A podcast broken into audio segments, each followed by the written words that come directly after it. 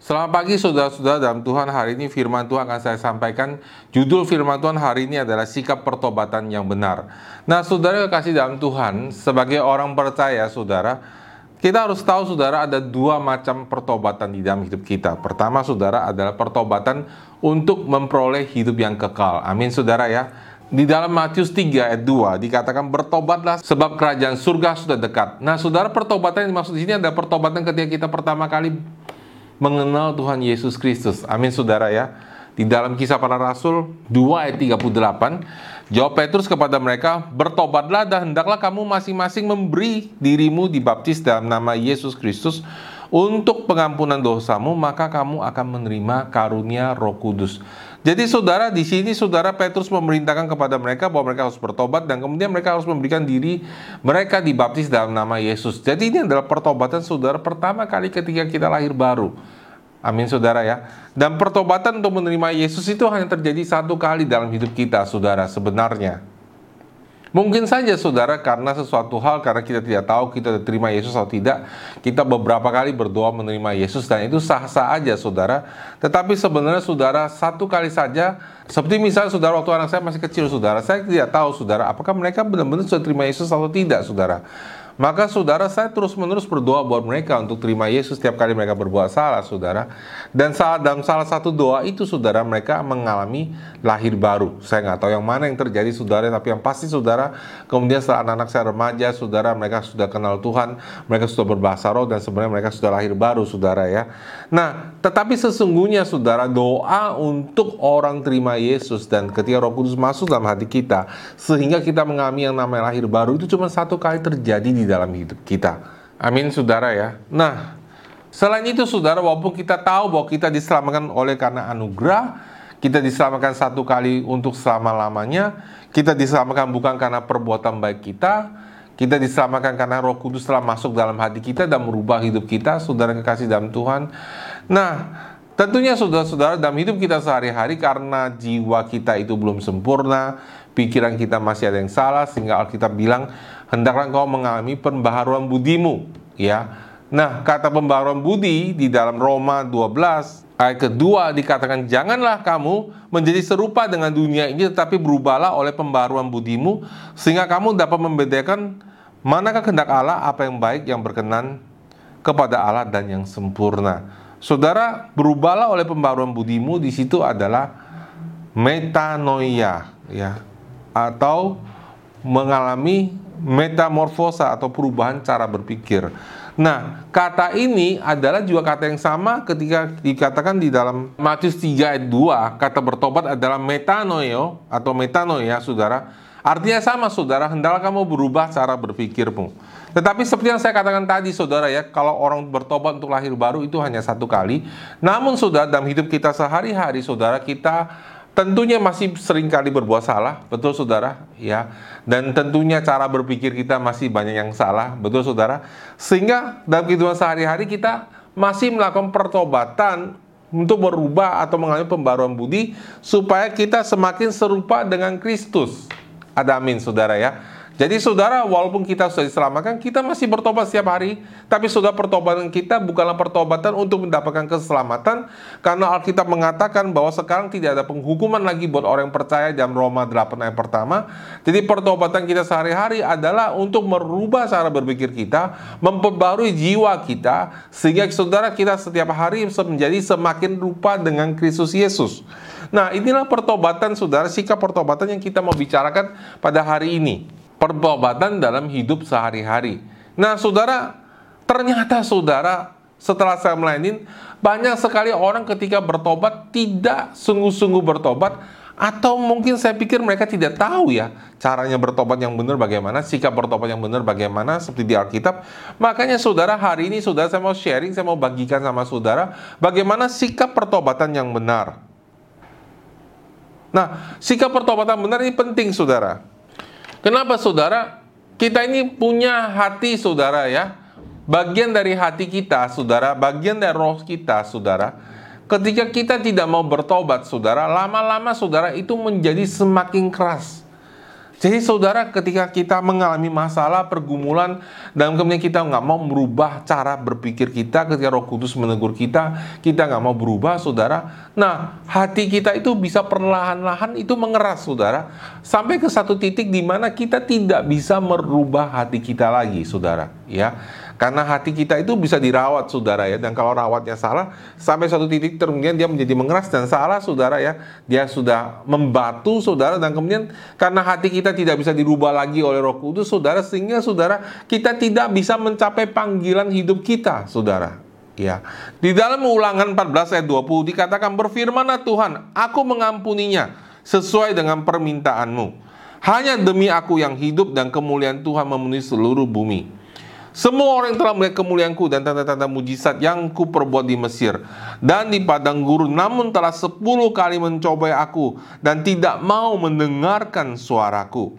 Pastilah tidak akan melihat negeri yang kujanjikan dengan bersumpah kepada nenek moyang mereka. Sebab mereka yang menista, menista aku ini tidak akan melihatnya. Tetapi hambaku Kaleb karena lain jiwa yang ada padanya dan ia mengikuti aku dengan sepenuhnya akan kubawa masuk ke dalam negeri yang telah dimasukinya itu dan keturunannya akan memilikinya. Saudara lihat di sini saudara ya cerita ini saudara bahwa Musa berdoa saudara ya supaya bangsa Israel yang menolak untuk masuk ke tanah perjanjian dan Tuhan menjadi marah dia berdoa supaya Tuhan mengampuni dosa mereka. Dan saudara Alkitab mengatakan Tuhan menjawab doa Musa dan Tuhan mengatakan aku mengampuninya. Saudara kekasih dalam Tuhan betapa lebihnya lagi saudara kita sekarang yang punya imam besar yang duduk di sebelah kanan Allah Bapa itu Yesus Kristus yang menjadi pembela kita yang berdoa saudara yang ber, yang darahnya berteriak untuk mengampuni dosa kita. Betapanya saudara Allah sekarang mengampuni dosa-dosa kita. Dan kita itu memperoleh hidup yang kekal sekali untuk sama-lamanya.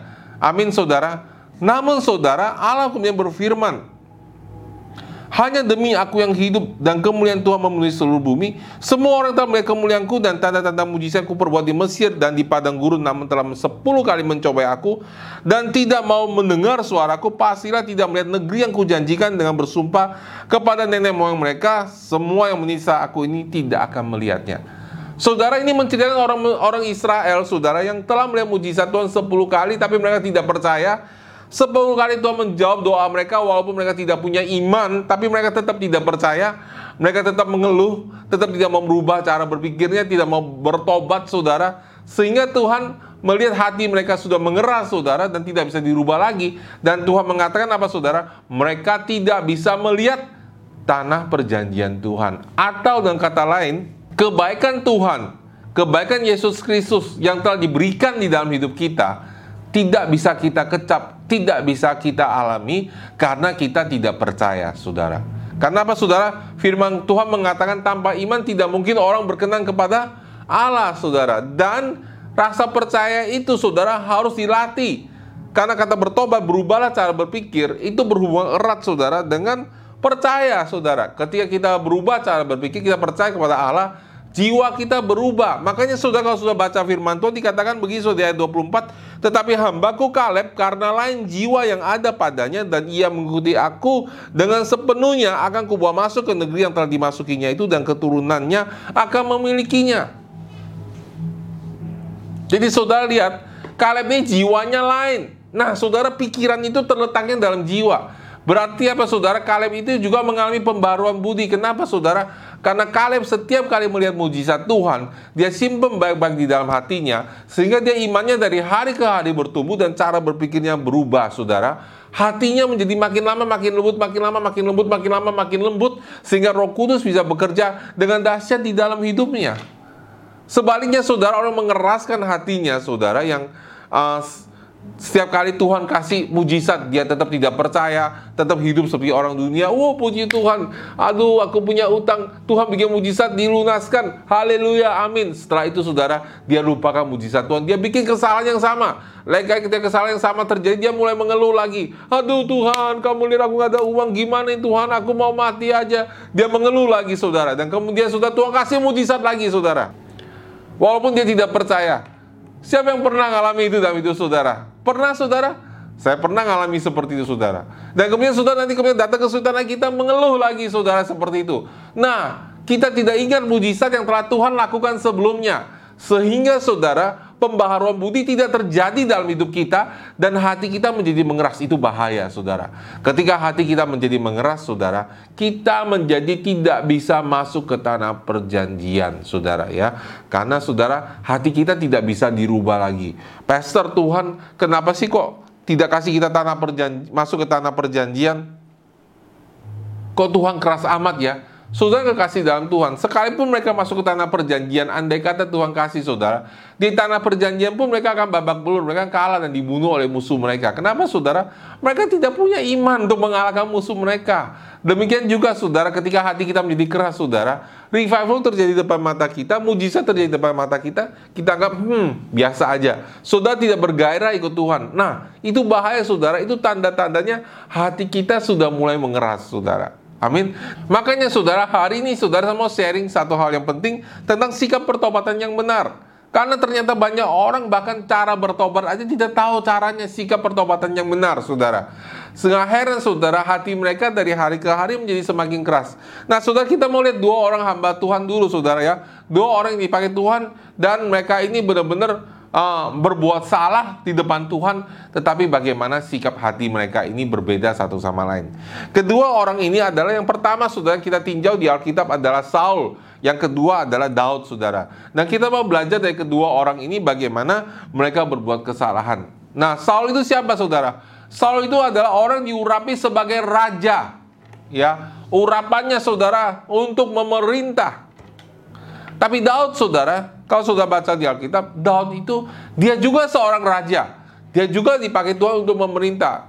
Tapi di sisi lain saudara, sudah lihat Daud bisa mempersembahkan korban bakaran di depan Tuhan. Saul tidak boleh saudara. Kenapa saudara? Karena Daud saudara, urapannya selain raja adalah imam. Tapi saudara juga lihat ketika sudah baca kitab Mazmur, Daud itu menubuatkan kedatangan Yesus. Kelahiran Yesus Kristus saudara. Dia menubuatkannya. Nah, saudara, artinya saudara Daud juga seorang nabi. Berarti saudara antara Saul dan Daud, saudara, ini saudara mereka ini Daud urapannya jauh lebih tinggi, jabatannya jauh lebih tinggi, saudara. Ya. Dan kemudian saudara kedua-duanya bikin salah. Nah, Saul ini kesalahannya apa, saudara? Saudara bisa baca di 1 Samuel 13, saudara ya. Di 1 Samuel 13 di situ diceritakan bagaimana Saul sedang berperang, saudara. Dan kemudian Saul Samuel sebagai nabi saudara dan imam yang berhak mempersembahkan korban bakaran tidak datang ke Gilgal saudara. Sampai rakyat meninggalkan dia karena rakyat ketakutan karena saudara sebelum dia mempersembahkan korban bakaran mereka tidak bisa berperang saudara. Nah saudara jadi Saul mengambil inisiatif yang salah saudara. Dia mulai melakukan sesuatu yang bukan di dalam panggilannya, bukan dalam jabatannya saudara dia mempersembahkan korban bakaran yang bukan hak dia, saudara. Saudara penting sekali, saudara ya. Jangan melakukan sesuatu yang Tuhan tidak suruh kita lakukan. Walaupun itu kelihatannya baik, saudara. Sebaliknya, saudara, Daud, apa yang Daud lakukan, saudara? Saudara bisa baca dalam 2 Samuel 11, saudara. Daud melakukan perzinahan, saudara. ya. Daud meniduri wanita yang adalah istri orang lain, istri jenderalnya. Nama wanita tersebut adalah Batseba, saudara. Setelah dia meniduri Batseba, saudara, dia berhubungan tubuh dengan Batseba, saudara. Batseba hamil, saudara.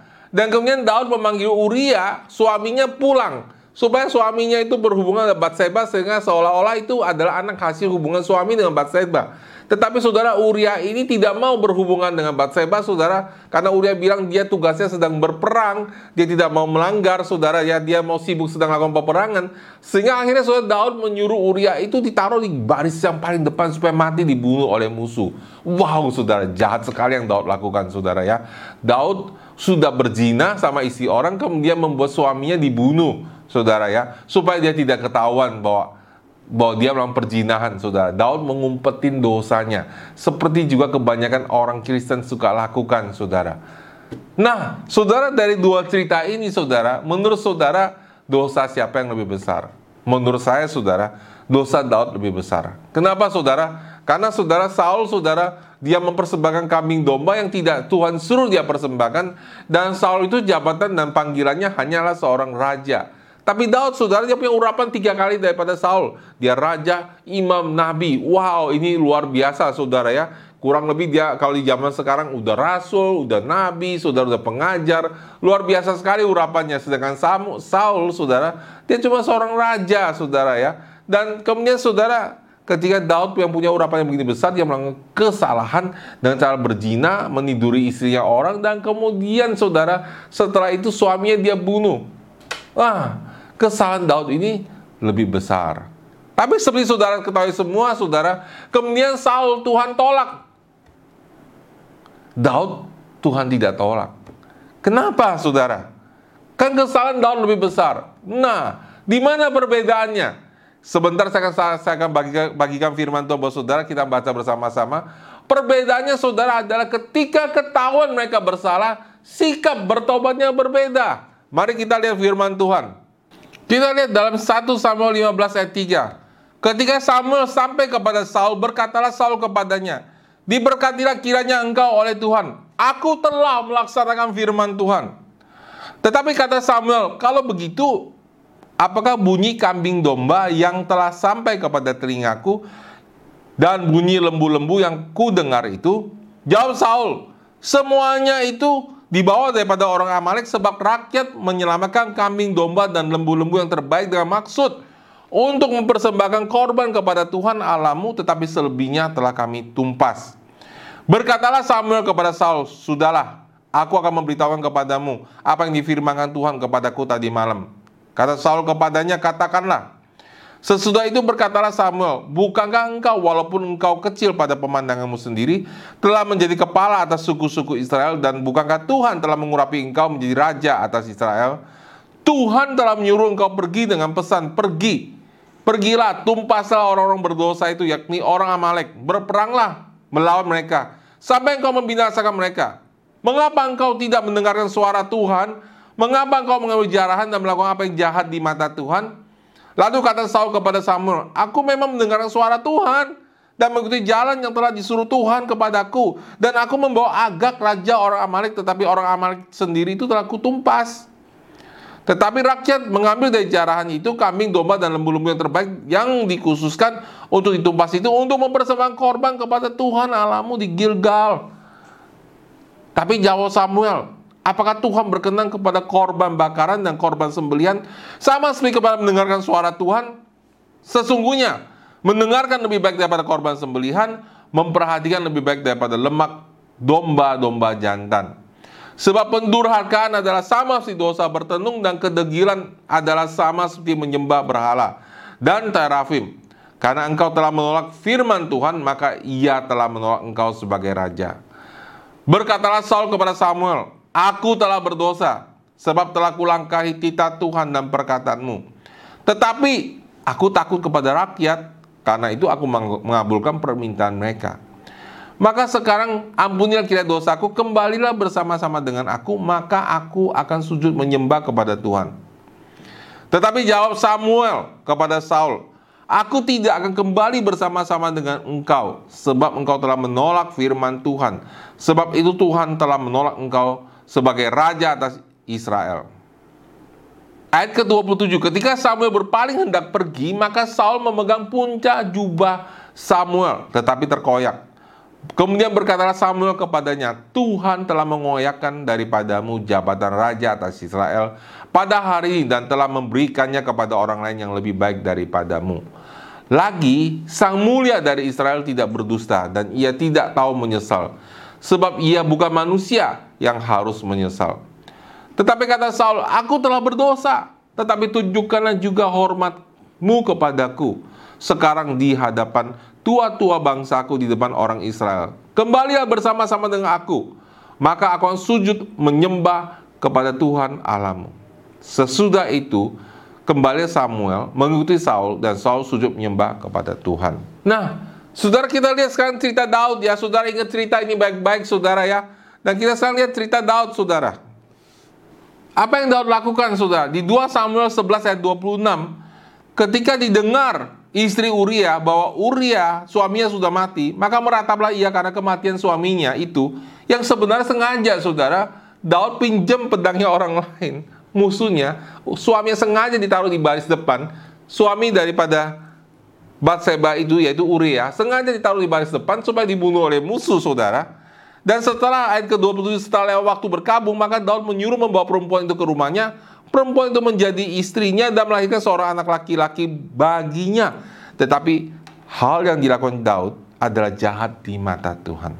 Maka saudara, di 2 Samuel 12 ayat pertama, Tuhan mengutus Nathan datang kepada Daud. Ia datang kepada Daud dan berkata kepadanya, ada dua orang dalam suatu kota, yang seorang kaya, yang lain miskin. Si kaya mempunyai sangat banyak kambing, domba, dan lembu sapi. Si miskin tidak mempunyai apa-apa selain daripada seekor anak domba betina yang kecil yang dibeli dan dipeliharanya. Anak domba itu menjadi besar padanya bersama-sama dengan anak-anaknya. Makan dan minum dari suapnya dan minum dari pialanya dan tidur di pangkuannya. Seperti seorang anak perempuan baginya. Pada suatu hari orang kaya itu mendapat tamu dan ia merasa sayang mengambil seekor dari kambing dombanya atau lembunya untuk memasaknya bagi pengembara yang datang kepadanya itu. Jadi, ia mengambil anak domba betina kepunyaan si miskin dan memasaknya bagi orang yang datang kepadanya itu. Ayat kelima, lalu Daud mendengar cerita itu saudara ya. Lalu Daud menjadi sangat marah karena orang itu dan ia berkata kepada Nathan, Demi Tuhan yang hidup, orang yang melakukan itu harus dihukum mati. Dan anak domba betina itu harus dibayar gantinya empat kali lipat karena ia telah melakukan hal itu. Dan oleh karena ia tidak kenal belas kasihan. Ayat ketujuh. Kemudian berkatalah Nathan kepada Daud, Engkaulah orang itu.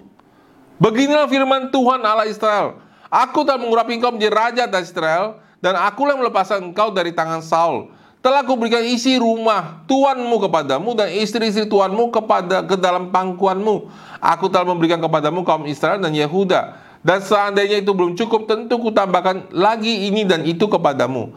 Mengapa kau engkau menghina Tuhan dengan melakukan apa yang jahat di matanya? Uria orang Het itu kau biarkan ditewaskan dengan pedang. Istri yang kau ambil menjadi istrimu dan dia sendiri tak kau biarkan dibunuh oleh pedang Bani Amon.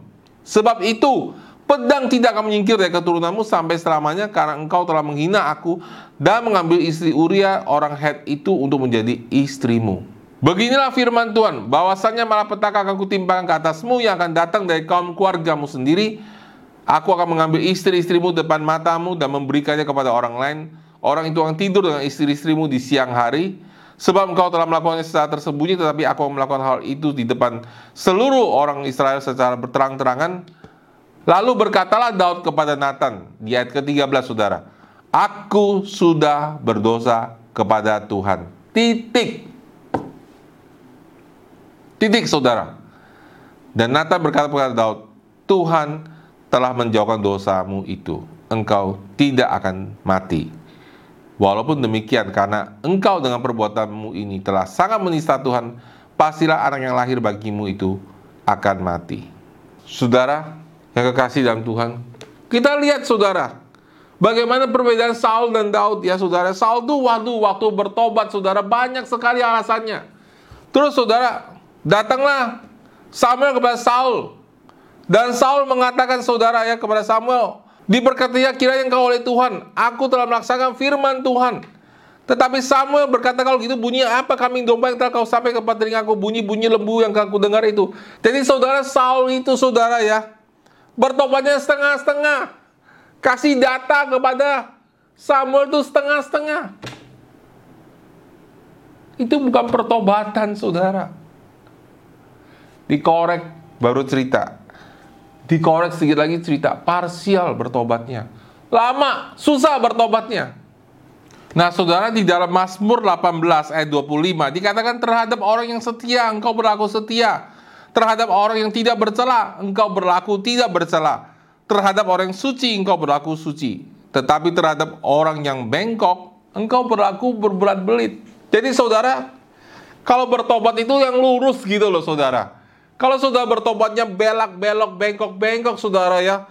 Tuhan lebih berat belit daripada saudara. Akibatnya apa saudara? Makin saudara susah. Saudara bertobatnya dikit demi sedikit, saudara masalah saudara nggak akan selesai.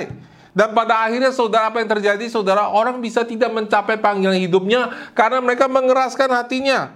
Jadi saudara pertama, saudara kita lihat saudara ya Saul itu saudara apa saudara? Pertobatannya datanya setengah-setengah, saudara. Dia tutup-tutupin. Kemudian apa katanya saudara? Rakyat itu saudara, di ayat 21 kemudian apa katanya saudara? Rakyat mengambil dari jarah itu kambing, domba, dan lembu-lembu terbaik. Saudara, dia nyalain orang lain. Halo, perhatikan baik-baik saudara kekasih dalam Tuhan. Ketika kita bikin salah, saudara, kita tidak bisa nunjuk orang lain yang mengakibatkan kita berbuat salah. Setiap kesalahan orang yang dia perbuat, itu harus dipertanggungjawabannya di hadapan Tuhan. Amin, saudara. Kita nggak bisa nyalakan orang lain. Nah, kebanyakan saudara orang Kristen itu apa saudara? Ketika mereka bikin salah, mereka bilang, tapi Tuhan, semua itu karena, gara-gara, oleh sebab, keadaan sini situ. Itu bukan pertobatan. Saudara lihat tahu nggak saudara mengapa hidup kita sekarang ini saudara? Kenapa manusia jatuh dalam dosa dan hidupnya susah? Karena ketika Tuhan datang kepada Adam dan Tuhan tanya Adam apakah kau makan dari buah pengetahuan baik dan jahat itu? Apa yang Adam jawab saudara? Adam nggak bilang iya Tuhan aku makan. Ya aku bertobat. Tapi apa kata Adam saudara? Coba kita lihat dalam kejadian 3 ayat 11 firmannya. Siapakah yang memberitahukan kepadamu bahwa engkau telanjang Apakah engkau makan dari buah pohon yang kularang engkau makan itu? Apa pertanyaan Tuhan saudara? Pertanyaan Tuhan kepada Adam, Tuhan Allah bertanya sama Adam, apakah kamu makan pohon yang kularang itu? Jawabnya apa saudara harusnya? Tuhan aku makan, aku salah, titik. Betul nggak? Tapi apa yang Adam katakan saudara? Perempuan, sudah kita lihat ya saudara ya, dia 12, Manusia itu menjawab, perempuan kau tempatkan di sisiku, dia yang memberi buah pohon itu kepadaku, maka ku makan. Gara-gara dia, perempuan yang Tuhan kasih itu, salahkan Tuhan pula, saudara. Ya, Gara-gara dia, gara-gara perempuan itu, saudara, dia makan kasihan saudara istrinya, saudara ya. Hawa bingung sekali, kemudian berfirman Tuhan kepada perempuan, apa yang kau perbuat ini? Jawab perempuan itu, ular yang tak memperdayakan aku untuk makan. Jadi saudara, apa yang terjadi saudara sebenarnya? Baik Adam maupun istrinya Hawa tidak bertobat. Kenapa Tuhan tanya kepada Adam, saudara? Karena Tuhan berharap saudara Adam bertobat dan jawab Tuhan, aku yang bikin salah, aku bertanggung jawab. Selesai sudah masalahnya. Betul nggak saudara? Karena untuk satu orang berdosa pun Tuhan Yesus rela datang mati untuk dosa orang tersebut. Tapi Tuhan tidak bisa datang saudara merubah hidup manusia ketika manusia tidak siap menerimanya. Makanya sudah sering kali orang bertanya, kenapa ya saya udah mengalami masalah kesusahan besar saya baru terima Yesus. Kenapa saudara? Karena ketika kita belum terjepit, belum kemudian kesulitan, Yesus datang pun orang nggak mau menerima dia. Orang tidak siap menerima dia. Nah, ketika orang mengalami kesulitan itulah mereka siap menerima Tuhan. Nah, saudara, karena saudara Tuhan datang kepada Adam dan berharap Adam bertobat, tapi Tuhan Adam bilang apa perempuan itu? Lalu Tuhan tanya sama perempuan itu, Kau makannya buah itu. Tuhan berharap, oke okay lah Adam nggak bertobat. Tapi perempuan itu bertobat. Kalau dia bertobat, ada harapan saudara. Tapi akan jawab perempuan itu. Dia bilang ular, ular itu ular. Kasihan saudara ya. Hawa ketakutan dituduh oleh suaminya. Dia gak tahu mesti ngomong. Dia bilang ular, ular itu Tuhan yang bikin gara-gara. Tuhan nggak tanya sama ular lagi saudara. Tuhan langsung mengutuk ular itu. Karena Tuhan tidak pernah berikan kesempatan untuk ular itu bertobat. Yang Tuhan berikan kesempatan bertobat adalah saudara dan saya. Tapi saudara sering kali kita bikin alasan. Tuhan tahu nggak Tuhan kenapa saya bikin salah? Gara-gara istriku. Gara-gara ulangannya susah. Aku terpaksa nyontek. Kalau aku nggak nyontek, kalau aku nggak naik kelas, nanti mamaku bayar biayanya dari mana? Bikin alasan.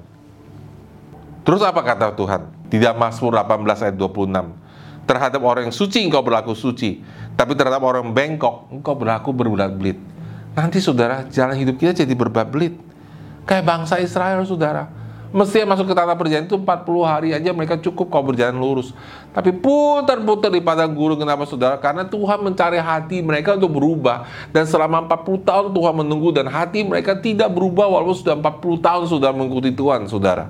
Hidupnya jadi muter-muter, saudara. Kenapa hidup kita muter-muter dalam masa yang sama, dalam masalah yang sama? Karena saudara kita nggak bertobat sungguh-sungguh. seperti Saul menyalahkan orang lain. Cerita kebenaran setengah-setengah. Berdali cari alasan. Kemudian apa yang ketiga Saul lakukan? Dia 30. Saul mengatakan, aku telah berdosa, tapi tunjukkanlah juga hormatmu kepadaku sekarang di depan tua-tua bangsaku dan di depan orang Israel. Kembalilah bersama-sama dengan aku, maka aku sujud menyembah kepada Tuhan Allahmu.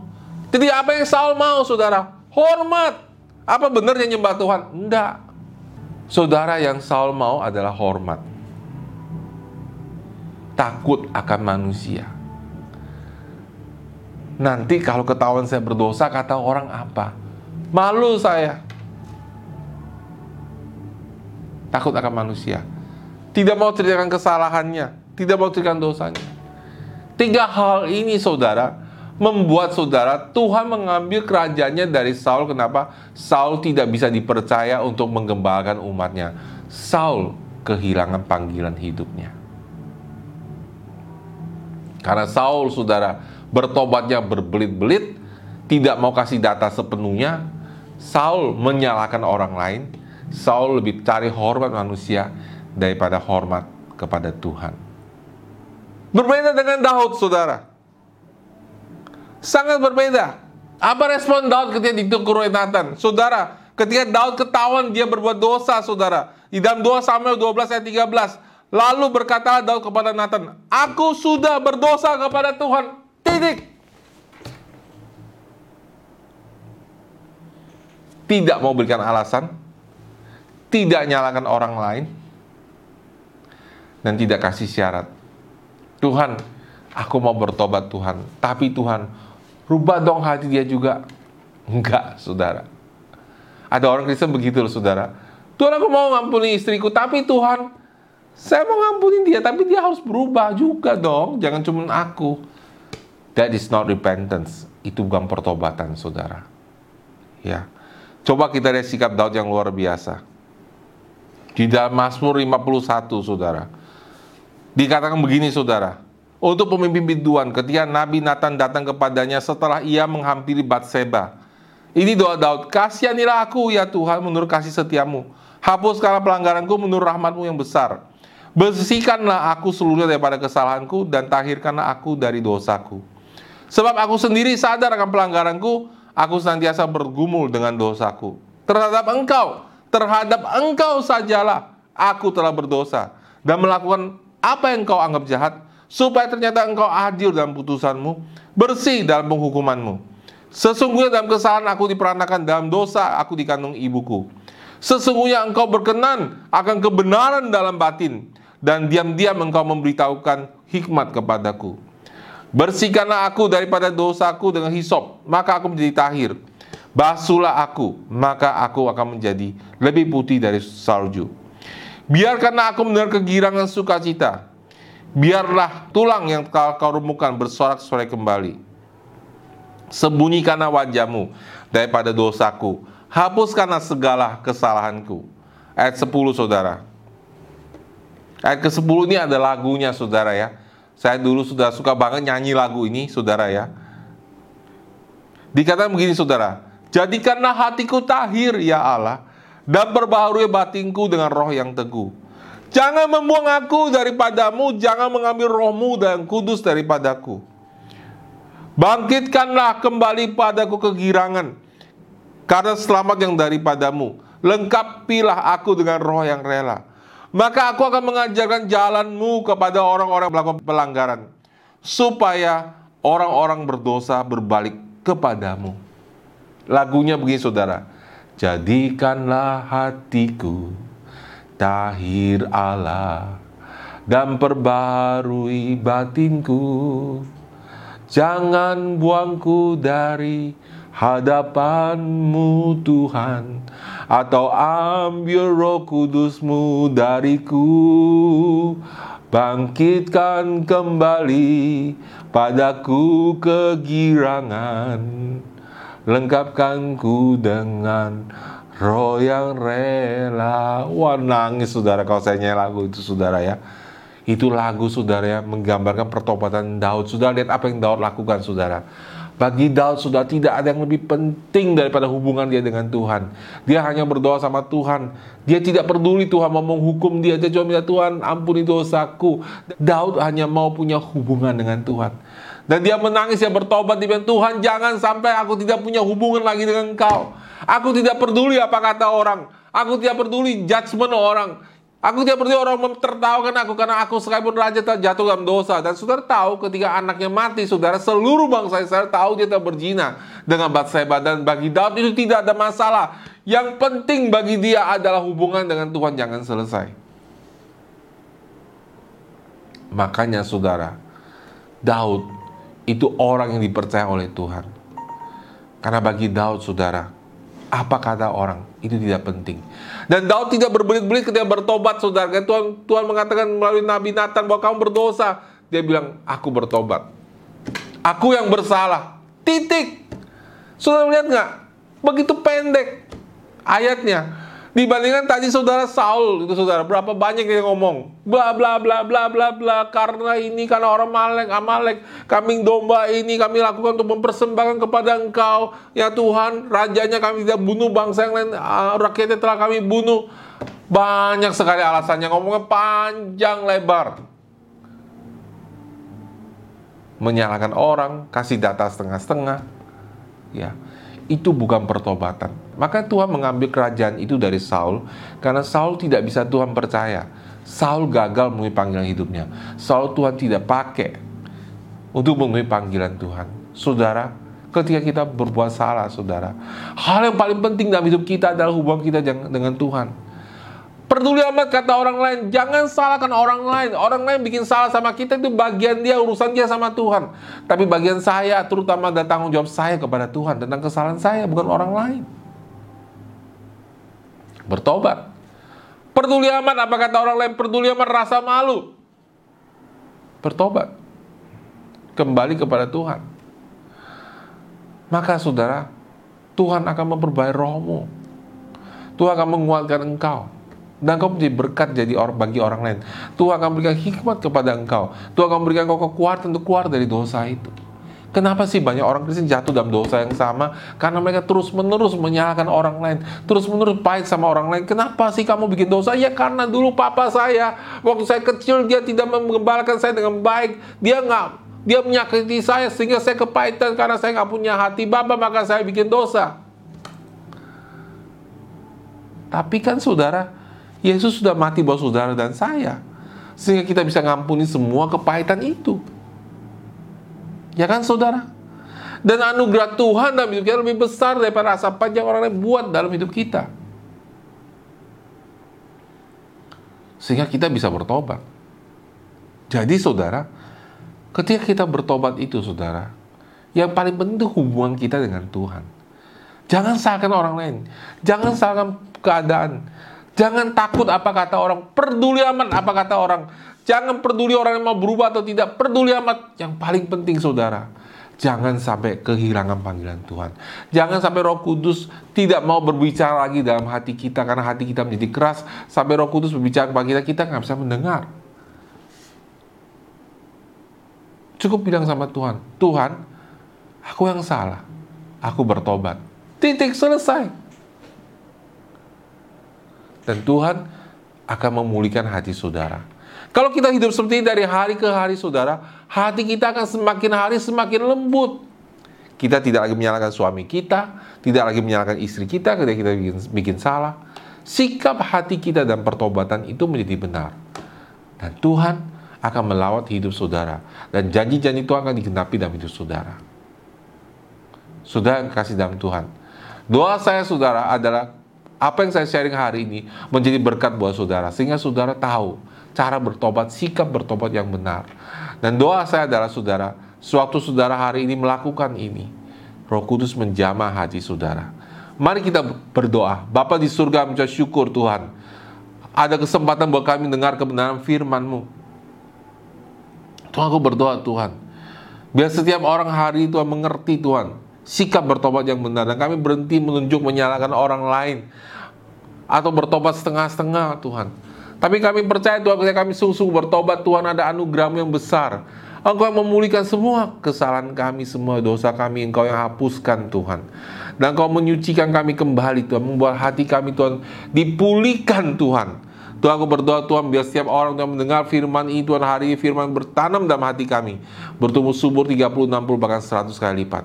Terima kasih Roh Kudus Engkau bekerja di dalam nama Tuhan Yesus kami berdoa. Amin. Tuhan Yesus memberkati sampai jumpa. God bless you.